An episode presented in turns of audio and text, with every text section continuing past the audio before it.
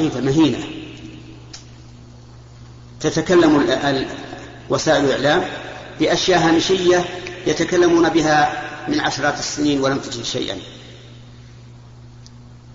لكن مثل هذه المسائل الكبار ثم من يأمن أنهم إذا يسالوا على هذا هذه البلدة التي الآن يحاصرونها أن يدبوا أيضا إلى إلى نفس سريف ثم إلى ألبانيا. ثم إلى كل المسلمين في البلقان. من يأمن هذا؟ فإنا لله وإنا إليه راجعون. ولو شاء الله ما فعلوا ولكن الله يفعل ما يريد. نعم. عند هذا. طيب. اليسار قواعد السنة والجماعة. إثبات اسماء الله عز وجل وصفاته. الاثبات ياتي مفصلا والنفي يكون مجملا.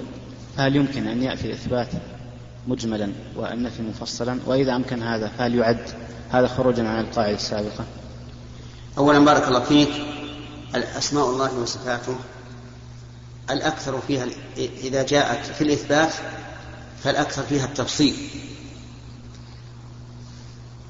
وشاهد ذلك واضح في القرآن والسنة. تجد مثلا قول الله تعالى هو الله الذي لا إله إلا هو عالم الغيب والشهادة هو الرحمن الرحيم. فيها حوالي خمسة عشر اسما إلى آخر السورة يعني. فيها حوالي خمسة عشر اسما من أسماء الله. كل اسم يتضمن صفة أو صفتين. وذلك لأن صفات الإثبات كلها صفات كمال. فكلما تعددت وكثر الإخبار عنها ظهر من كمال الموصوف ما لم يكن معلوما من قبل. أما صفات النفي فإنها صفات نقص. نفاها الله تعالى عن نفسه وإذا وقعت على سبيل الإجمال كانت أعظم في التعظيم. ولو جاءت على سبيل التفصيل لكان فيها شيء من الاستهزاء والسخرية.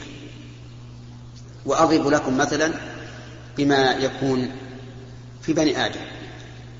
لو أن رجلا قال لملك من الملوك أنت رجل ذو سلطان قائم أنت رجل حازم أنت رجل قوي أنت رجل تأمر بالمعروف وتنهى عن المنكر أنت رجل شديد على الكفار رحيم بالمؤمنين أنت رجل ذو سلطة قوية أنت رجل يخافك الأعداء. لكن هذه الصفات كلها مدحا. لكانت هذه الصفات كلها مدحا يفخر بها الملك. لكن لو قال له أنت ملك لست بزبال. ولا كناس ولا منظف حشوش. ولا حلاق. ولا حجام. وذكر يذكر وجعل يذكر من صفات النقص ينفيها عن الملك لكان هذا مدحا أو قدحا. نعم؟ لكان قدحا. يعني كيف يقول لست حجاما ولا ولا خياطا ولا كساحا ولا كناسا؟ يزعل الملك يغضب. فلهذا جاءت الصفات المنفية عن الله جل وعلا جاءت مجملة. مثل قوله تعالى ليس كمثله شيء. هل تعلم له سميا؟ ليس له شريك في الملك لم يكن له ولي من الذل وما أشبه ذلك. إلا أنها تذكر أحيانا الصفات تفصيلا وهي منفية إما لدفع توهم يقع من بني آدم وإما لرد فرية قالها المفترون. فمثلا قال الله تعالى ما اتخذ الله من ولد وما كان معه من إله. هذه صفة نفي. عامة ولا خاصة؟ خاصة ما اتخذ الله من ولد. لكن قالها عز وجل ونفاها عن نفسه ردا لقول, لقول المفترين الذين قالوا إن الله تعالى اتخذ ولدا. فالنصارى قالوا المسيح ابن الله واليهود قالوا عزير ابن الله والمشركون قالوا الملائكة بنات الله. أو لدفع توهم وبيان كمال. مثل وما خلقنا السماوات ولقد خلقنا السماوات والأرض وما بينهما في ستة أيام وما مسنا من لغوب. اللغوب الإعياء والتعب وهو صفة خاصة. لكن نفاه الله عن نفسه لئلا يتوهم واهم بأن بأن الله تعب لما خلق هذه المخلوقات العظيمة في هذه المدة الوجيزة.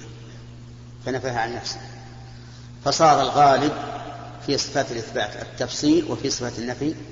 الإجمال وقد يأتي الإجمال وقد يأتي التفصيل في باب النفي كما يأتي الإجمال في باب الإثبات كقوله تعالى للذين لا يؤمنون بالآخرة مثل السوء ولله المثل الأعلى وهو العزيز الحكيم. المثل الأعلى الوصف الأكمل وهذه وهذه عامة ليس فيها تفصيل. بسم الله الرحمن الرحيم. كان لدي سؤال ولكن كلامك حفظك الله عن البوسنة والهرسك جعل سؤالا آخر. وهو الإنسان مثلا في هذه البلاد لم يفتح باب الجهاد من أجل دعم الأخوان في البوسنة والهرسك وإذا الإنسان مثلا جمع أموالا في عمله كان شبهة في عمله. والإنسان دائما يتخذ منكم حفظكم الله قدوة ويشهد الله على محبتكم في ذلك. فإذا كان الإنسان في هذه الحالة يسمع كلاما مثل هذا الكلام ولكن ليس هناك دليلا يدله على الطريق الصحيح. فما هو العمل حفظكم الله؟ العمل بارك الله فيك. أن الإنسان يكون مستعدا وينوي نية جازمة أنه لو حصل دعوة للجهاد بالمال أو بالنفس فإنه مستعد. ويكون بهذا قد حدث نفسه بالغزو حتى لا يموت على شعبة من النفاق. لأن من مات ولم يغزو ولم يحدث نفسه بالغزو مات على شعبة من النفاق. وأيضا أنا أوصيكم أن تكثروا من الدعاء. من الدعاء أن الله سبحانه وتعالى يسلط على هؤلاء الصرف المعتدين وأن ينزل بهم بأسه الذي لا يرد عن القوم المسلمين وأن يشتت شملهم ويفرق جمعهم ويهزم جندهم وأن يجعل بأسهم بينهم إلى غير ذلك من الأدعية. وتستغيثون الله. اللهم إنا نستغيثك على هؤلاء. وتدعون الله تعالى أن يثبت إخواننا في البسنة على مقابلة هؤلاء الأعداء. ولولا أن الله سبحانه وتعالى قد ثبتهم لكانوا راحوا بالأمس. لأن سلاح أعدائهم وشراستهم أكثر بكثير مما عندهم. إخواننا في البسنة مجردون من السلاح كما هو معلوم. وهؤلاء عندهم الأسلحة ما يعد الثالث والرابع في, في, في الدنيا كلها. ولكن الله قد ثبتهم. ولا شك أن هذا إن شاء الله تعالى من كرامة الله لهم وأن وأن الله تعالى سيأخذ بأيديهم لأن الله قال لرسوله فاصبر إن العاقبة للمتقين. ولكن أوصيكم بالدعاء في كل مناسبة في السجود بين الأذان والإقامة في آخر الليل في كل وقت. واجعلوا قلوبكم معهم أشعروا بشعورهم أو أكثر. هم إخوانكم. ثم لم تسلط عليهم أيضا كفرة. مثلثون مشركون. نعم. نعم. القنوت. راجع لولاة الأمر ما هو لنا. لكن نحن نقنط فيما بيننا وبين أنفسنا. من يمنعنا من الدعاء؟ أما إعلان القنوت فلا نرى إلا ب... إلا إذا وافق إذا أمرنا بذلك ولاة الأمور. فضيلة الشيخ حفظك الله نريد إيضاح حديث ابن عباس رضي الله عنهما في قول النبي صلى الله عليه وسلم عن السبعين ألفا الذين يدخلون الجنة بغير حساب لا يسترقون الحديث فهل عموم العلاج يدخل في الحديث؟ وإذا كان لا يدخل فما الفرق بينه وبين الرقية؟ لأن كل منهما سبب وكيف نفهم أمر وكيف نفهم أمر النبي صلى الله عليه وسلم لعائشة وغيرها أن يسترقوا من العين؟ وإذا علمنا رجلا أصابته عين فهل نأمره بالرقية أم نرشده إلى الصبر والاحتساب؟ أرجو الإفادة وجزاكم الله خيرا. آه، قوله في حديث السبعين ألفا ولا يسرقون أي لا يطلبون الرقية من غيرهم. لكنه عليه الصلاة والسلام أمر بالتداوي وأرشد إليه وقال إن الله لم ينزل داء إلا وأنزل له دواء علمه من علمه وجهله من جهله. والفرق بينهما من وجهين. الوجه الأول أن تعلق الإنسان بالراقي أكثر من تعلقه بالمداوي لأن الراقي إذا قدر الله تعالى أن ينتفع المريض برقيته صارت العلاقة بينه وبين هذا المريض علاقة روحية لأنه ليس ذلك عن طريق حسي. وإذا كانت إذا كانت علاقة روحية فربما يفتتن به ويقول هذا من أولياء الله وما أشبه ذلك مما قد يحصل فيه منافاة للشرك. ولهذا جاء بعدها وعلى ربهم يتوكلون. آه ثانيا أن في طلب الرقية من الشخص قد يطلب من شخص ليس أهلا لذلك. لأنه ليس يداوي بشيء حسي يعرف فيرقى هذا الذي ليس أهلا للرقية ثم يحصل الشفاء لا بالرقية ولكن عند الرقية فيفتتن الناس أيضا بهذا الرجل ويظنونه ممن تجاب دعوته وممن يتبرك بقراءته وليس كذلك. فلهذا قال عليه الصلاة والسلام ولا يسرقون ولم يقل ولا يتداوون. وعلى هذا فالدواء مطلوب. وأما الاسترقاء فإن الأفضل تركه لكن لو أن أحدا من الناس هو الذي تقدم وقرأ عليك ولم تمنعه فإن هذا لا يمنع من دخول الإنسان في هذا الحديث لأنك لم تطلب الرقية. وكذلك لو أنك أنت رقيت على أخيك فإنك محسن إليه ولا تخرج بهذه بهذه الرقية من صفات هؤلاء السبعين ألفا. ولهذا نقول إن ما ورد في صحيح مسلم في قوله زيادة زيادة قوله ولا يرقون زيادة شاذة ليست بصحيحة والصواب ولا يسترقون فقط. أما الرقية من العين فلأن العائن معروف فتطلب منه الرقية لأنه إذا رقى على الإنسان فإنه ينتفع بذلك بإذن الله عز وجل. كالطبيب الذي يداوي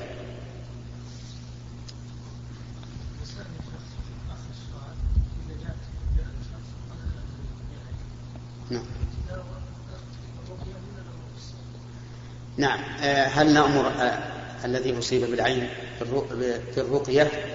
أو نأمره بالصبر. نقول إن الرسول عليه الصلاة والسلام أرشد إلى أن يحاول رفع العين حيث أمر الذي عن أحد الصحابة أن يغتسل ويتوضأ ويؤخذ من مائه فيصب على المصاب حتى يشفي الشيخ أحسن الله إليك ما هو ضابط لمن يحج عنه؟ خاصة أننا نجد كثيرا من المحسنين آه، يخص جزءا من ماله آه، لبعض الناس لكي يحجوا. وبعضهم يصادف أن عليه دين يعني هذا المحسن يعطي بعض الناس من عليه دين لكي يحج. فهل له أن يسدد هذا الدين أم يحج؟ وهل للمحسنين أن ينفقوا على طلبة العلم لأن ما في ذلك مصلحة؟ أما أما الإنسان الذي يحج عنه فإن السنة إنما جاءت في حج الفريضة في من لا يستطيع أن يحج بنفسه. ولم تأتي في حج النافلة أبدا. غاية ما هنالك ما جاء في حديث عبد الله بن عباس رضي الله عنهما أن النبي صلى الله عليه وعلى آله وسلم سمع رجلا يقول لبيك عن شبرمة؟ فقال من شبرمة؟ قال أخ لي أو قريب لي. قال حججت عن نفسك؟ قال لا. قال حج عن نفسك ثم حج عن شبرمة. قد قد يتمسك بعض الناس بهذا الحديث فيقول إن الرسول عليه الصلاة والسلام لم يسأله. هل حجه عن شبرمة عن فريضة أو عن نافلة؟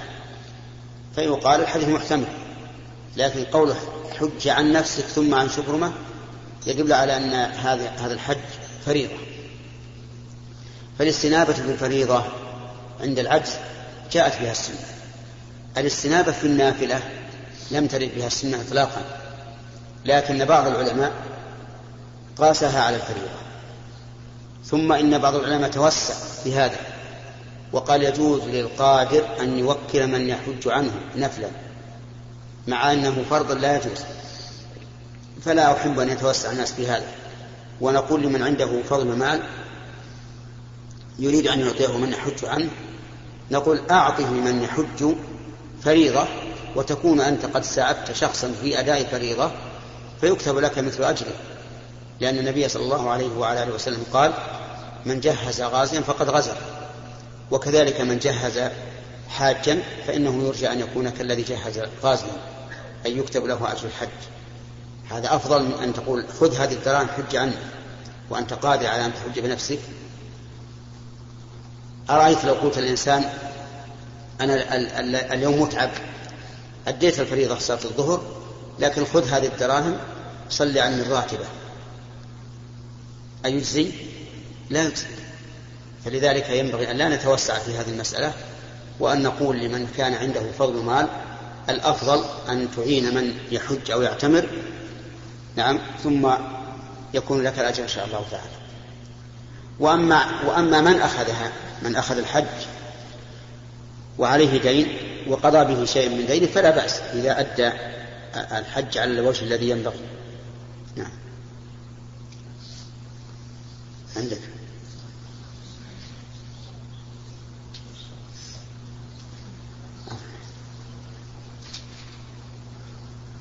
ها هنا هنا هنا.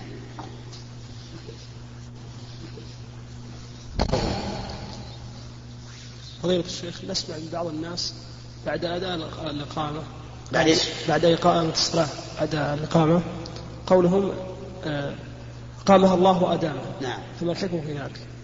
هذا ورد في حديث عن الرسول عليه الصلاة والسلام أنه إذا قال قد قام الصلاة قال أقامها الله وأدامها لكن الحديث ضعيف. لا تقوم به الحجة. بارك الله فيك. هل صحيح أن المقام المحمود الذي وعده الله عز وجل رسوله صلى الله عليه وسلم هو مكان على العرش كما ورد في بعض الصحيح أن المقام المحمود عام. كل مقام يحمده الناس فيه. ومن ذلك الشفاعة العظمى حين يتتابع الأنبياء عليهم الصلاة والسلام الشفاعة حتى تصل إليه فيشفع فيشفعه الله عز وجل. هذا هو الصحيح أنها عامة. فضيلة الشيخ هل صيام الست من شوال ويوم عرفة يكون لها حكم صيام الفرض فيشترط تبيت النية من الليل؟ أم يكون لها حكم صيام النفل فيجوز للإنسان أن ينوي صيامها ولو وسط النهار؟ وهل يكون أجر من نوى صيام وسط النهار كأجر من تسحر وصام أول النهار أم لا؟ نعم. آه، صيام النفل يجوز بنية من أثناء النهار بشرط أن لا يكون فعل مفطرا قبل ذلك. يعني مثل لو أن الإنسان أفطر بعد طلوع الفجر وفي أثناء اليوم نوى الصوم. هنا قد لا يمكن أن نقول هنا لا يمكن أن يصح صومه لأنه أكل. لكن لو كان لم يأكل منذ طلع الفجر ثم نوى في أثناء النهار الصوم وهو نافلة نقول هذا جائز لأنه وردت به السنة عن النبي صلى الله عليه وعلى آله وسلم وذلك حين دخل على أهله فطلب منهم طعاما فقالوا ليس عندنا شيء قال إني إذا صائم. ولكن النية ولكن الأجر لا يكون إلا بالنية الأجر لا يكون إلا بالنية لقول النبي صلى الله عليه وعلى آله وسلم إنما الأعمال بالنيات. فما قبل النية لا يكتب له أجر وما بعدها يكتب له أجر وإذا كان الأجر مرتبا على صوم اليوم فإن هذا لم يصم اليوم كاملا بل صام بعض اليوم بالنية.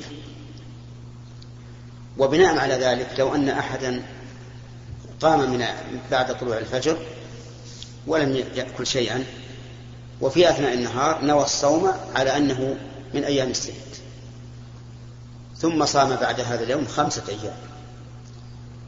فكم يكون صام؟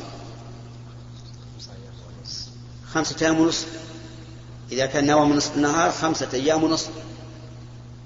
إن كان نوى من بعد مضي ربع النهار خمسة أيام وثلاثة أرباع. لأن الأعمال بالنيات. والحديث الوارد من صام رمضان ثم أتبعه ستة أيام من شوال. وحينئذ نقول لهذا الأخ لم تحصل على ثواب أجر صيام الأيام الستة لأنك لم تصم ستة أيام. وهكذا يقال في يوم عرفة. أما لو كان النفل لو كان الصوم نفلا مطلقا فإنه يصح ويثاب من نيته فقط. نعم.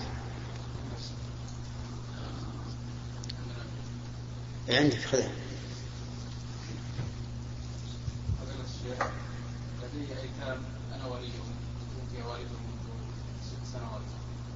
دخلهم الشهري من التقاعد نحو 3500 ريال. واجتمع لدي خلال هذه السنوات مبالغ كبيرة منها حوالي 150 ألف زكوات. فهل أمتنع عن أخذ الزكاة لهم؟ وماذا أفعل بما معي من الزكاة؟ وإذا كان لهم منزل متصدع من الصندوق العقاري عليه 240 ألف فهل أدفع تبرئة لذمة الميت من هذا المبلغ وإذا كان لهم أراضي من البلدية فهل نصورها من هذه المبالغ أم لا؟ أولا لا يحل لك أن تأخذ الزكاة لهم وهم عندهم ما يغنيهم. لأن الزكاة للفقراء والمساكين وليست للعتام وما أخذته مع وجود غناهم يجب عليك أن ترده إلى أصحابه إن كنت تعرفهم. وإن كنت لا تعرفهم فتصدق به عنهم بنية الزكاة عنهم لأنك أخذته بنية الزكاة منهم. وأما ما جمعت من الأموال من التقاعد فافعل ما ترى أنه أصلح. لقول النبي صلى الله عليه إلى قوله تبارك وتعالى ولا تقربوا مال اليتيم إلا بالتي هي أحسن. وأما دين الصندوق التنمية العقارية فأنت تعرف أنه مؤجل مقسط فتدفع على حسب أقساطه. والميت بريء منه. إلا ما كان من من الأقساط لم يسددها الميت وهي حالة في حياته فهذه لا بد من إيفائها وأما الأقساط التي لم تحل إلا بعد وفاة الميت فالميت منها بريء. لأنها متعلقة بنفس العقار والعقار انتقل منه إلى ملك الورثة فهم المطالبون بذلك. ما تسدد الصندوق لأن عندهم مال يمكن تسدد منه.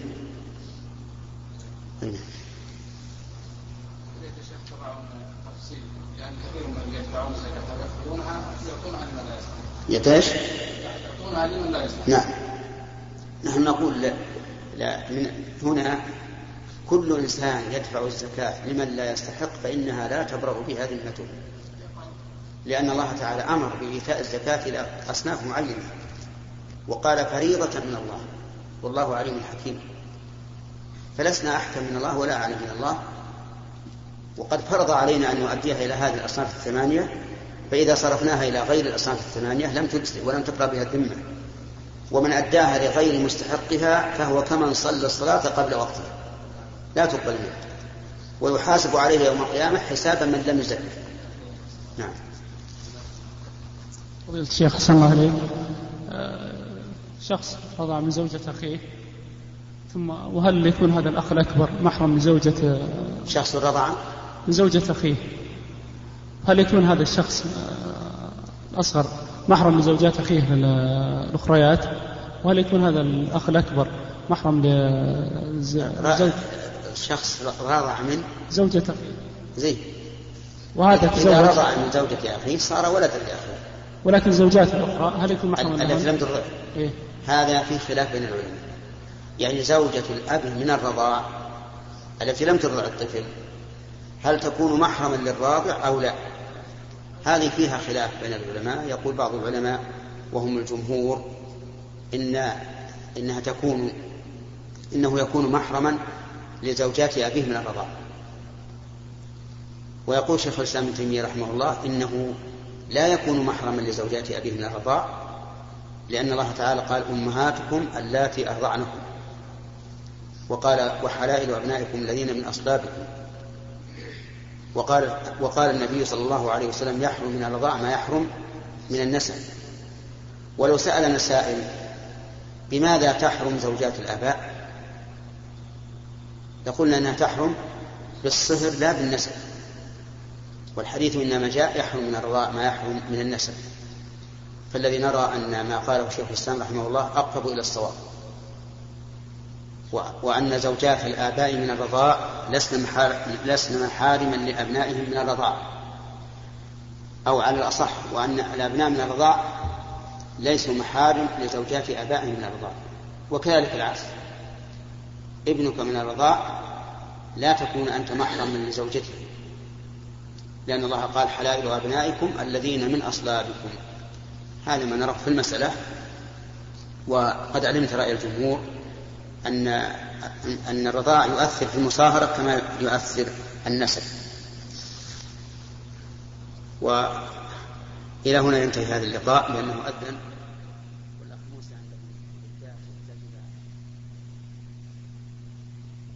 إلى إيش؟ إلى جمعها ولمها وحزمها وحملها. نسأل الله لنا ولكم التوفيق. أيها الأحبة وإلى اللقاء القادم إن شاء الله يسعدنا أن نكمل ما تبقى من هذا الشريط بهذه المادة.